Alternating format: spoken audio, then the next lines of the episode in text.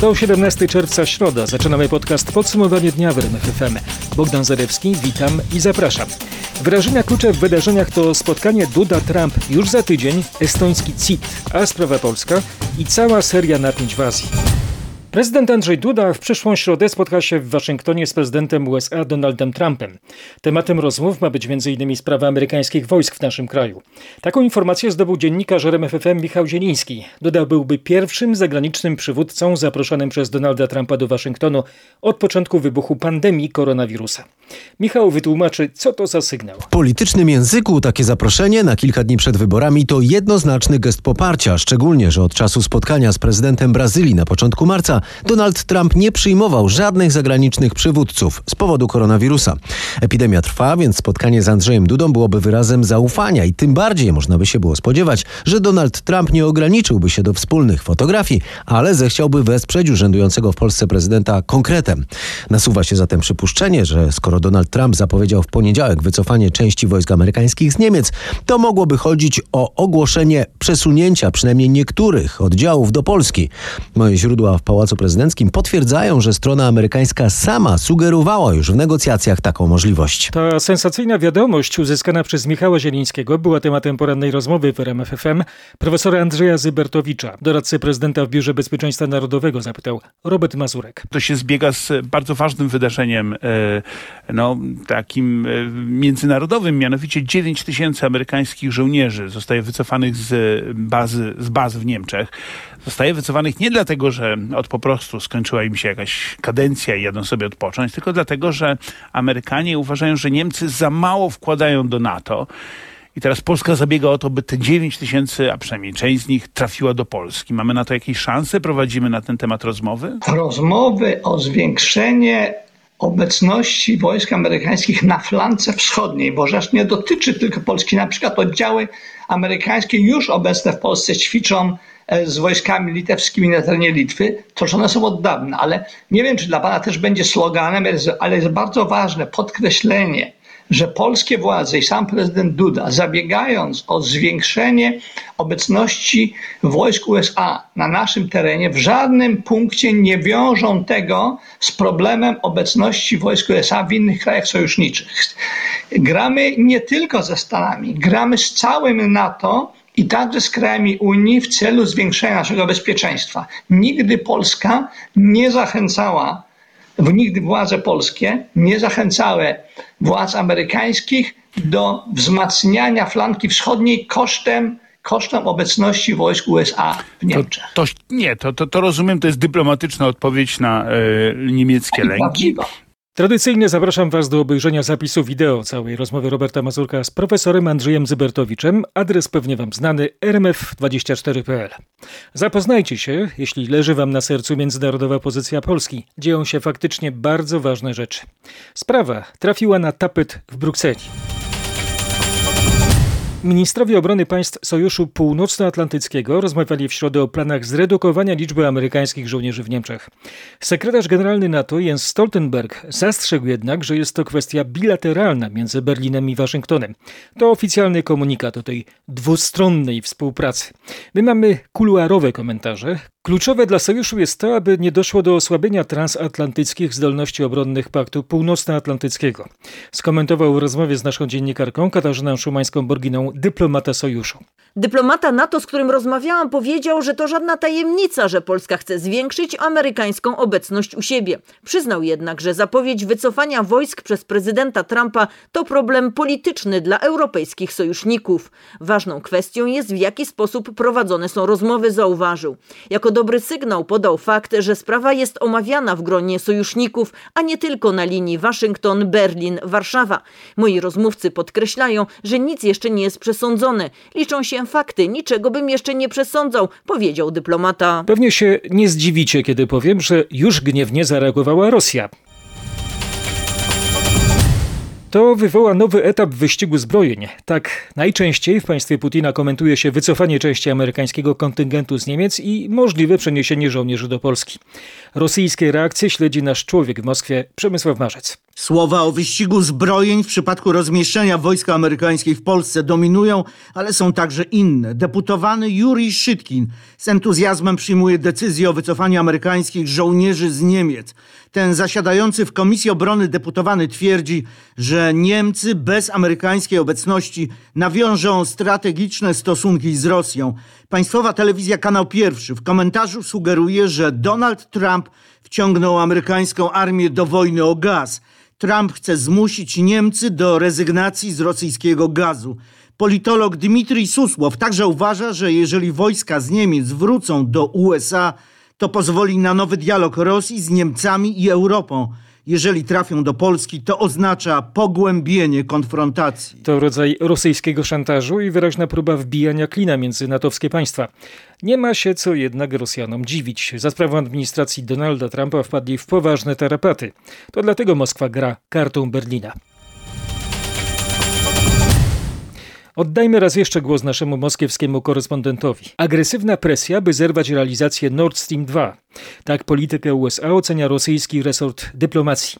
Maria Zacharowa, rzecznik Ministerstwa Spraw Zagranicznych, stwierdziła, że polityka sankcji uprawiana przez administrację Trumpa ma uderzyć bezpośrednio w niemiecką gospodarkę. Rosja liczy, że państwa zainteresowane nowym gazociągiem okażą niezbędną polityczną wolę, mówiła Zacharowa, co można rozumieć jako zachętę do sprzeciwu wobec działań Waszyngtonu.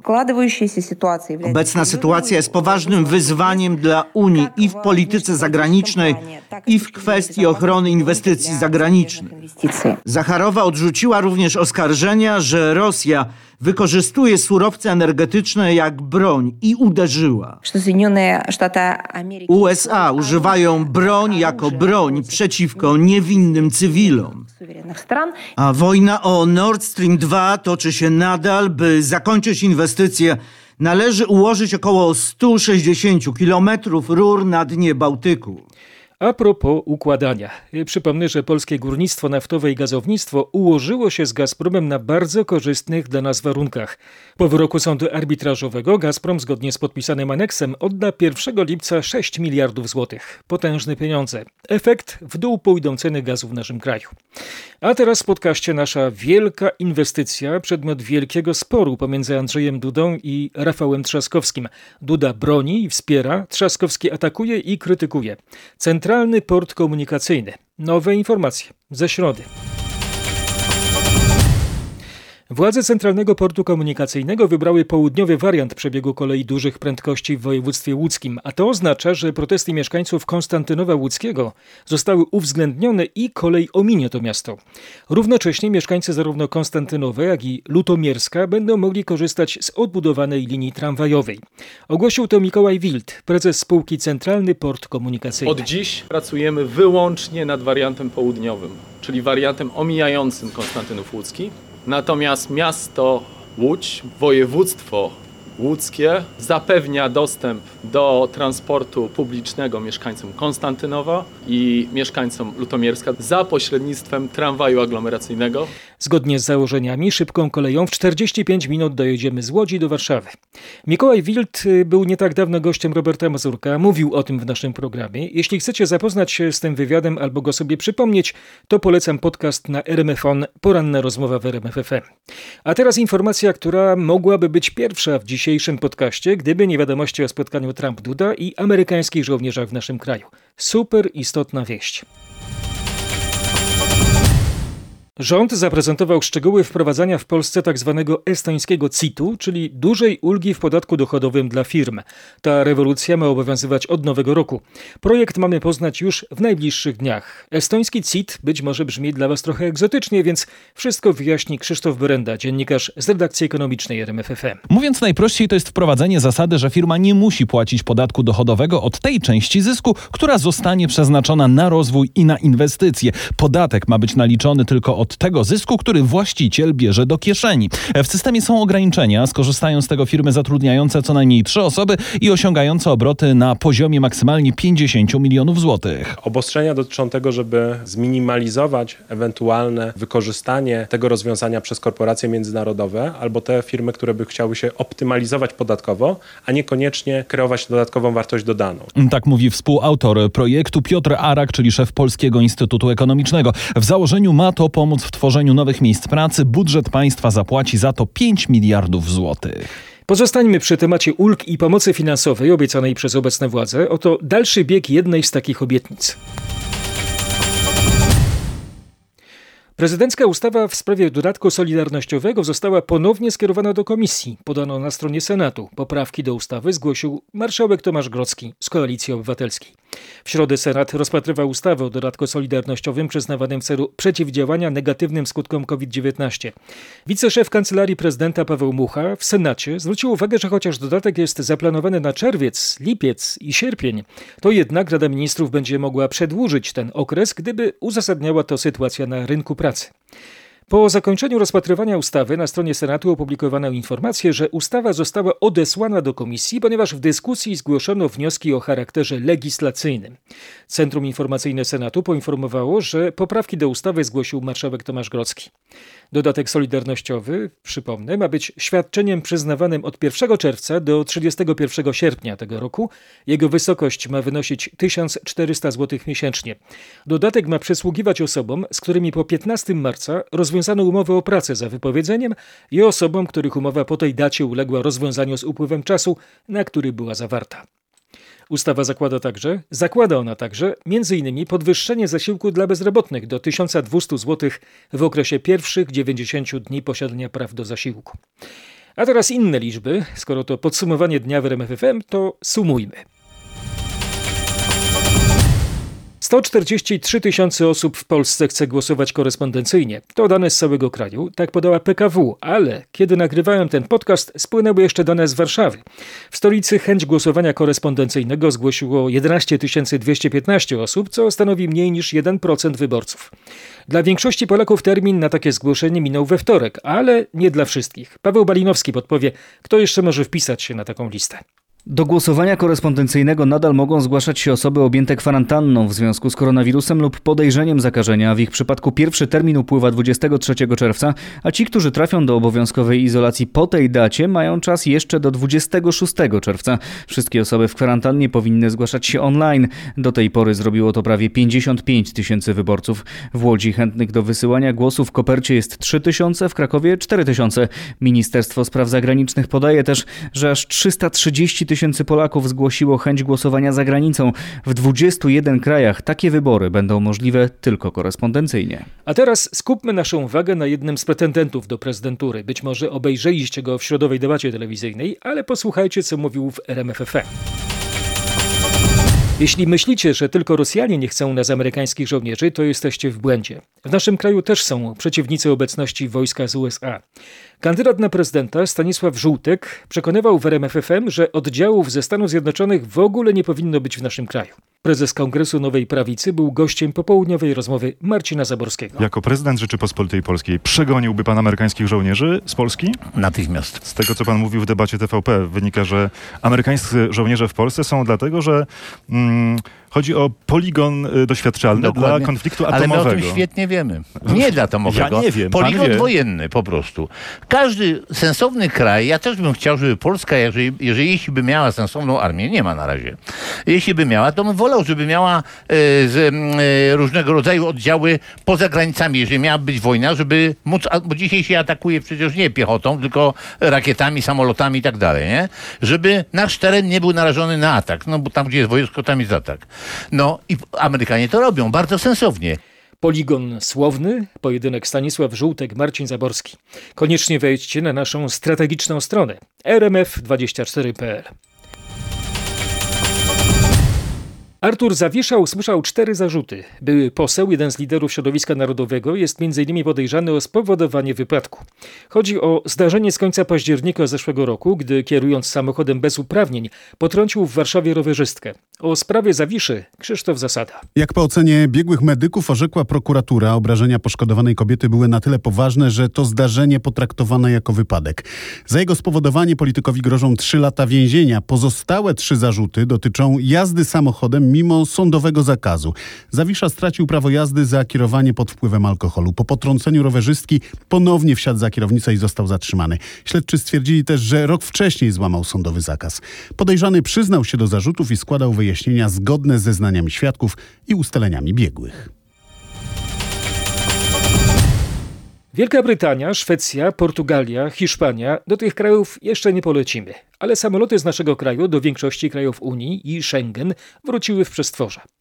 Oto jak komentowali ten fakt pasażerowie wysiadający z maszyn na warszawskim lotnisku Chopina. Planowałem tutaj e, gdzieś w połowie marca. Dowiadywałem się, czekałem na otwarcie granic, także akurat wyrobię się na, na te na wybory prezydenckie. To nasz rodak, który mieszka w Bułgarii, ale są też Polacy, którzy chcieliby wreszcie polecieć za granicę, by odwiedzić bliskich. Już tyle miesięcy tu siedzę, a tam moje dzieci czekają na mnie. Tam, czyli w Szwajcarii, dokąd ta pani wybierze się na początku lipca. W środę przyszła na lotnisko, by znów przerezerwować bilet. A teraz my się wybierzemy za granicę. Sporo mamy frapujących doniesień. Francuska policja prowadzi śledztwo w sprawie coraz większej fali ataków na pomniki generała Charlesa de Gaulle. Są one pokrywane obraźliwymi napisami i oblewane farbą. Sprawcy próbują też y, przewracać monumenty francuskiego bohatera narodowego. Co się dzieje na świecie? Co się dzieje we Francji? Marek Gładysz. Policja podejrzewa, że pomniki de Gaulle niszczone są przez uczestników niedawnych antyrasistowskich demonstracji, bo często pokrywane są one napisami oskarżającymi tego głównego francuskiego bohatera narodowego XX wieku właśnie o rasizm. Zdziwieni komentatorzy podkreślają, że to właśnie dzięki prezydentowi de Gaulle'owi wiele francuskich kolonii w Afryce odzyskało niepodległość, ale niektóre organizacje zrzeszające osoby ciemnoskóre protestują przeciwko jednej z wypowiedzi sławnego generała o tym, że Francja jest głównie krajem białych chrześcijan. NATO nie może chować głowy w piasek w obliczu niedawnego zachowania Turcji wobec swoich sojuszników, powiedział w środę Reuterowi przedstawiciel resortu obrony Francji, zastrzegając anonimowość. Oskarżył turecką marynarkę wojenną o nękanie francuskiego okrętu podczas natowskiej misji. Z kolei wysoki rangą przedstawiciel tureckich władz, również niewymieniony z nazwiska, oznajmił, że taka sytuacja nie miała miejsca. Tymczasem sensacyjną informację przeczytałem w Jerusalem Post, jakoby Turcja opracowała plany inwazji na Grecję i Armenię. Wypłynęły w tej sprawie tajne dokumenty. Jeśli Korea Północna zdecyduje się na faktyczne działania militarne, zapłaci za to. Zagroziło w środę Kolegium Szefów Sztabów Armii Korei Południowej w reakcji na zapowiedzi rozmieszczenia północno-koreańskich wojsk na zdemilitaryzowanych obszarach przy granicy. Pjongjang ogłosił, że wyśle żołnierzy do nieczynnego wspólnego kompleksu przemysłowego w mieście Kaesong oraz do wspólnego środka turystycznego w Górach Diamentowych. Reżim odrzucił złożoną przez Seul propozycję rozmów w tej sprawie. Władze Korei Północnej zapowiedziały również zerwanie dwustronnej umowy o redukcji napięć militarnych z 2018 roku, przywrócenie posterunków strażniczych w strefie zdemilitaryzowanej i wznowienie regularnych ćwiczeń wojskowych w pobliżu granicy. Relacje między dwoma państwami koreańskimi gwałtownie się pogorszyły. We wtorek po serii krytycznych komunikatów pod adresem Seulu Korea Północna wysadziła w powietrze biuro łącznikowe obu krajów w Kaesong. Premier Indii Narendra Modi oświadczył w środę, że śmierć 20 indyjskich żołnierzy, którzy zginęli w starciu z armią Chin na spornej granicy obu krajów w Ladaku, nie poszła na marne. Indie chcą pokoju, ale potrafią odpowiednio zareagować, gdy zostaną sprowokowane, zaznaczył Modi. Ze swej strony Pekin oświadczył w środę, że Chiny i Indie doszło do porozumienia w sprawie uspokojenia napięcia i deeskalacji sytuacji na wspólnej granicy tak szybko, jak to możliwe. Oświadczenie władze HRL wydały po rozmowie telefonicznej szefów dyplomacji obu państw, podało AFP. Agencja wskazuje, że było to pierwsze starcie na linii Indie-Chiny z ofiarami śmiertelnymi od 45 lat. Według źródeł w indyjskim rządzie, na które powoływał się Reuters, nie oddano strzałów, ale żołnierze wykorzystali podczas starć metalowe pręty i kamienie. Według źródeł AP doszło też do walk na pięści. No jeśli państwa atomowe walczą jak jaskiniowcy, to może nie grozi nam za sprawą ataku nuklearnego cofnięcie się do epoki kamienia łupanego.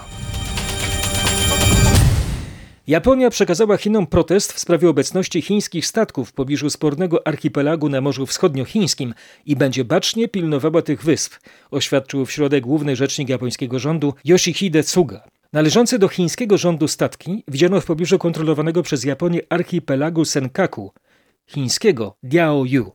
Przez 65 dni z rzędu. Jest to najdłuższy taki okres od września 2012 roku, gdy rząd w Tokio wykupił część bezludnych wysepek z rąk prywatnych, wywołując gniewną reakcję Pekinu, podała agencja Reutera.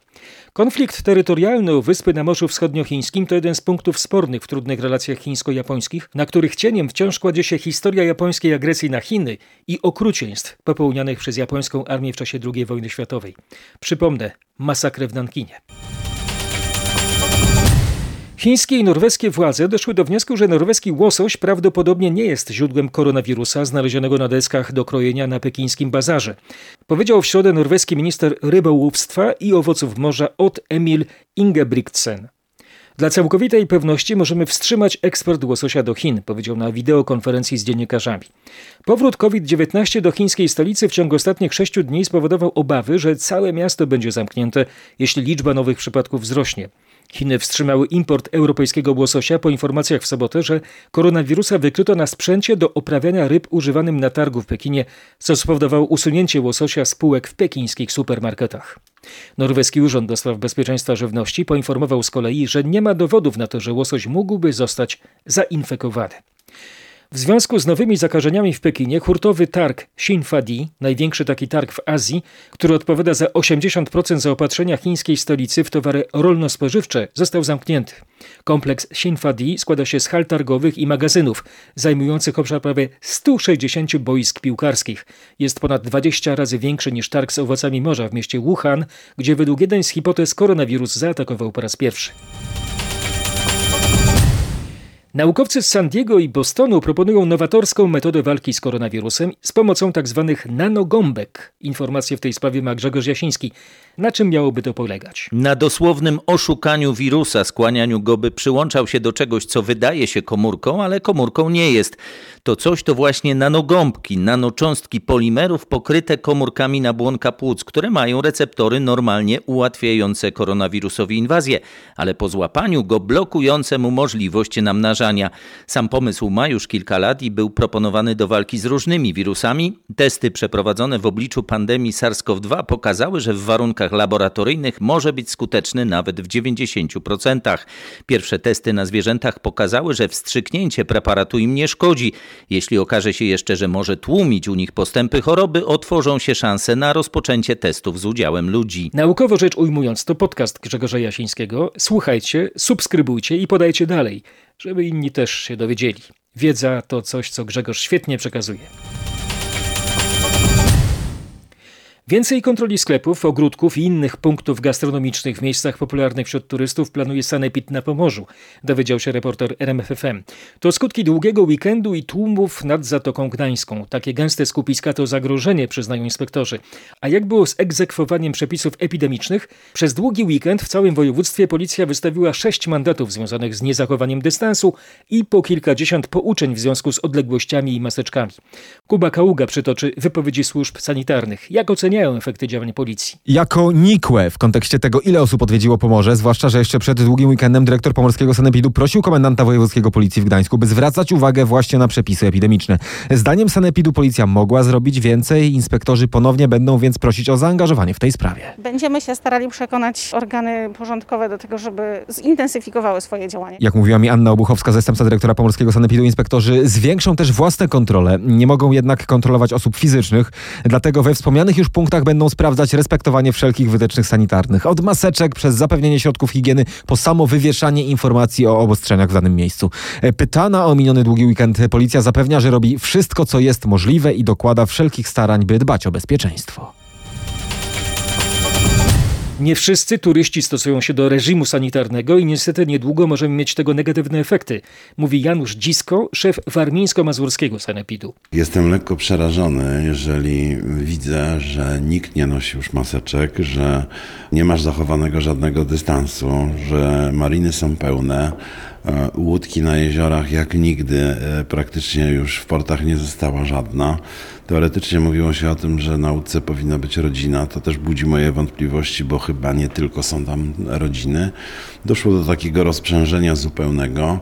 E, Na efekty tego myślę, że nie będziemy musieli długo czekać. Ja bardzo gorąco namawiam turystów do odwiedzania Warmii Mazur, ale spróbujmy zachować te podstawowe zasady, które uchronią nas i naszych gości przed kolejną transmisją zakażenia. Nie bądźmy zdemaskowani. Jeszcze nie pora chodzić bez osłon. Od soboty na rynek łódzkiej manufaktury wraca plaża. Z palmami, leżakami, boiskiem, placem zabaw i barem. Z atrakcji można korzystać do końca wakacji, ale z zachowaniem środków ostrożności, przypomina Agnieszka Danowska-Tomczyk z łódzkiej manufaktury. Przed wejściem na plażę będą stały czystozaury, czyli środki do dezynfekcji dłoni dla najmłodszych z delikatnym, acz skutecznym płynem o zapachu truskawkowym. Dodatkowo plaża będzie dezynfekowana co godzinę, przecierane będą leżaki między innymi. E, dbamy o to, by było bezpiecznie e, i sympatycznie, by w komfortowych i bezpiecznych warunkach można było relaksować się w sercu miasta. Chciałbym, żeby czystozaury w końcu wyginęły, żeby skończyła się era koronawirusa i COVID-19 przeszedł do prahistorii. Ale zostawmy pandemiczną paleontologię, czas na inną, tradycyjną naukę. Ósmoklasiści musieli się policzyć z egzaminem z matematyki. Wprawdzie odbył się niemal dwa miesiące po pierwotnym terminie, ale uczniowie i tak twierdzili, że mieli za mało czasu na przygotowanie się do niego. Wiadomo, z królową nauk żartów nie ma, ale na twarzach zagościły uśmiechy. Uczniowie Zakopiańskiej Szkoły Mistrzostwa Sportowego liczą na dobry wynik, może nawet na podium. Godzinę 40 minut trwało, ale ja wyszedłem po 40 minutach. To rekord świata. Chyba tak, nie wiem. Niektóre zadania były ciężkie, ale większość mi się wydawała łatwa. No nie zrobiłem tylko dwóch zadań, bo no, nie były najłatwiejsze. Jedno sprawiło większy kłopot, reszta była ok. Bardzo łatwo. Łatwiejsze niż próbny. Wiadomo, że podium zawsze. A teraz już sport bez metafor. Głos ma Paweł Pawłowski. Finał Ligi Europy w Gdańsku dopiero w przyszłym roku. To decyzja ogłoszona dziś przez UEFA. W tym roku europejskie puchary zostaną dokończone w zmienionej formule w sierpniu. Najpierw zostaną dokończone mecze 1-8 finału Ligi Mistrzów oraz Zaplecza. W Champions League awans do ćwierćfinału wywalczyły już PSG, Atalanta, Atletico Madryt i RB Lipsk. I właśnie ćwierćfinałowe, a później półfinałowe spotkania zostaną rozegrane w formie turnieju, ale bez spotkań rewanżowych. Liga Europy zagra w Niemczech, Liga Mistrzów w Portugalii. Finały 21 i 23 sierpnia. Złe wieści dla kibiców z Kielc. Firma Vive nie będzie już sponsorem kieleckiej drużyny piłkarzy ręcznych. Muszę być odpowiedzialny za moją firmę, która zatrudnia ponad 2000 osób, powiedział Bertus Serwas, który zostaje na stanowisku prezesa kieleckiego klubu. Kielczanie szukają teraz pieniędzy, aby utrzymać obecny skład. Jeśli nie uda się zebrać tych funduszy, z zespołem będzie musiało pożegnać się dwóch lub trzech zawodników. Kibice mogą pomóc klubowi na jednej z platform crowdfundingowych. Czas na odrobinę sportowej prywaty z mojej strony. Bardzo lubię futbol kobiecy. Uważam, że żeńska piłka nożna jest o wiele ciekawsza od męskiej. Serio. Dlatego z przyjemnością podam te informacje. Piłkarki nożne VfL Wolfsburg z Ewą Pajor w składzie dwie kolejki przed zakończeniem rozgrywek zapewniły sobie Mistrzostwo Niemiec. To czwarty z rzędu tytuł tego zespołu i jednocześnie czwarty reprezentantki Polski. Gratulacje Pani Ewo. We włoskich kinach można już oglądać filmy. To kolejne złagodzenie obostrzeń związanych z pandemią COVID-19. Wszyscy jesteśmy w dużym napięciu emocjonalnym, ponieważ jest to nowy początek świata kina. Bardzo się cieszymy, że możemy ponownie się otworzyć. Raduje się dyrektor jednej z sieci kin Giovanni Plano. A plan jest taki, że kina mają teraz funkcjonować na nowych zasadach. Zajęte może być tylko co trzecie miejsce, trzeba mieć na sobie maseczkę na korytarzu, ale podczas seansu można ją zdjąć. A mógłbym założyć trzy maski, jedna na drugą, żeby móc już zobaczyć ten film. Legenda Ostrego Roka Lemmy Kilmister, lider grupy Motorhead, zostanie bohaterem filmu biograficznego. Muzykę, jak na koncercie, spróbuje przekrzyczeć Katarzyna Sobiechowska-Szuchta. Reżyser Greg Olivier chce skupić się na wczesnych latach życia muzyka w Anglii. Warto pamiętać, że artysta zaczynał jako członek ekipy technicznej Jimmy'ego Hendrixa. Dopiero w wieku 30 lat zdecydował się na samodzielną karierę, stworzył zespół Motorhead, który na stałe wpisał się w historię światowej muzyki. Hollywood Reporter cytuje słowa reżysera: Wszystko, co słyszałeś o Lemim jest prawdopodobne. Papierosy i whisky na śniadanie, speed na obiad, ale za tą stalową fasadą stał także fascynujący, skomplikowany i odważny człowiek. Jeszcze nie wiadomo, kto zagra główną rolę w kinowej biografii. Tytuł filmu Lemmy. Prosty i bezpośredni jak muzyka Motorhead. Tydzień kina hiszpańskiego zaczął się w środę w Warszawie. Od przyszłego tygodnia święto kina ze słonecznego Półwyspu Iberyjskiego obchodzić będą także inne nasze miasta. Kasia zapozna nas z programem. Repertuar jest bardzo zróżnicowany, od komedii przez dramaty po przeboje festiwali. Można zobaczyć m.in. najnowsze filmy oscarowych reżyserów z Hiszpanii i światową premierę filmu po europejsku. To podróż na Ibizę lat 50. do krainy przyjaźni, wolności i wolnej miłości. Polscy widzowie pierwsi poza Hiszpanią zobaczą też Gry Plan, adaptację niezwykle popularnej sztuki teatralnej z gwiazdorską obsadą. Dziś festiwal zaczyna się w stołecznym kinie Luna, a w przyszłym tygodniu pojawi się również w poznańskiej Muzie, w krakowskim kinie pod Baranami, w kinie Charlie w Łodzi i Nowe Horyzonty we Wrocławiu. Oto jeszcze horyzonty literackie. Słynny Festiwal Konrada w Krakowie. Poznaliśmy program tego festiwalu, który jest ważnym punktem na mapie światowych wydarzeń literackich. Hasłem przewodnim tegorocznej edycji jest widzialne i niewidzialne. Publiczność spotka się m.in. z Marią Stiepanową, Markiem Bieńczykiem, Rojem Jakobsenem, Magdaleną Tuli, Elif Szafak czy Wiktorem Jerofiejewem. Mówi Grzegorz Jankowicz, dyrektor programowy Festiwalu Konrada. Jak zwykle będziemy się zajmować najważniejszymi aktualnie zjawiskami i problemami, dyskutując o nich za pomocą języka literackiego, który w naszym przekonaniu pozwala lepiej te zjawiska i te problemy zrozumieć. W tym roku październikowa odsłona będzie online. To nie widzowie przyjdą na festiwal, to festiwal przyjdzie do odbiorców na tablecie, smartfonie czy komputerze. Poznamy też laureata Nagrody Konrada. Statuatka trafia co roku w ręce autora lub autorki najlepszego debiutu prozatorskiego. Różne są odcienie kultury, wśród różnych te różowe. List napisany przez słynnych malarzy Vincenta van Gogha i Paula Gogena, opisujący ich wizyty w domach publicznych i dyskusja o przyszłości sztuki, został sprzedany na aukcji w Paryżu za 210 600 euro. List na aukcji we wtorek kupiła fundacja Vincenta van Gogha, która wystawi nowy nabytek w Muzeum Artysty w Amsterdamie. Zrobiliśmy kilka wycieczek po burdelach i jest prawdopodobne, że często będziemy tam chodzić do pracy, napisali malarze na kartkach w kratkę. Tak więc y, za kurtyną w pokojach kurtyzan stały z pewnością sztalugi. W podcaście odmalowaliśmy współczesny świat w środę, 17 czerwca, łącząc to, co wysokie z tym, co niskie, radości i smutki, mądrość i głupotę, piękno i brzydotę. W czwartek też tak będzie. Będziecie? Zapraszam i zachęcam do subskrybowania. Bogdan Zalewski. To było podsumowanie dnia w RMFFM.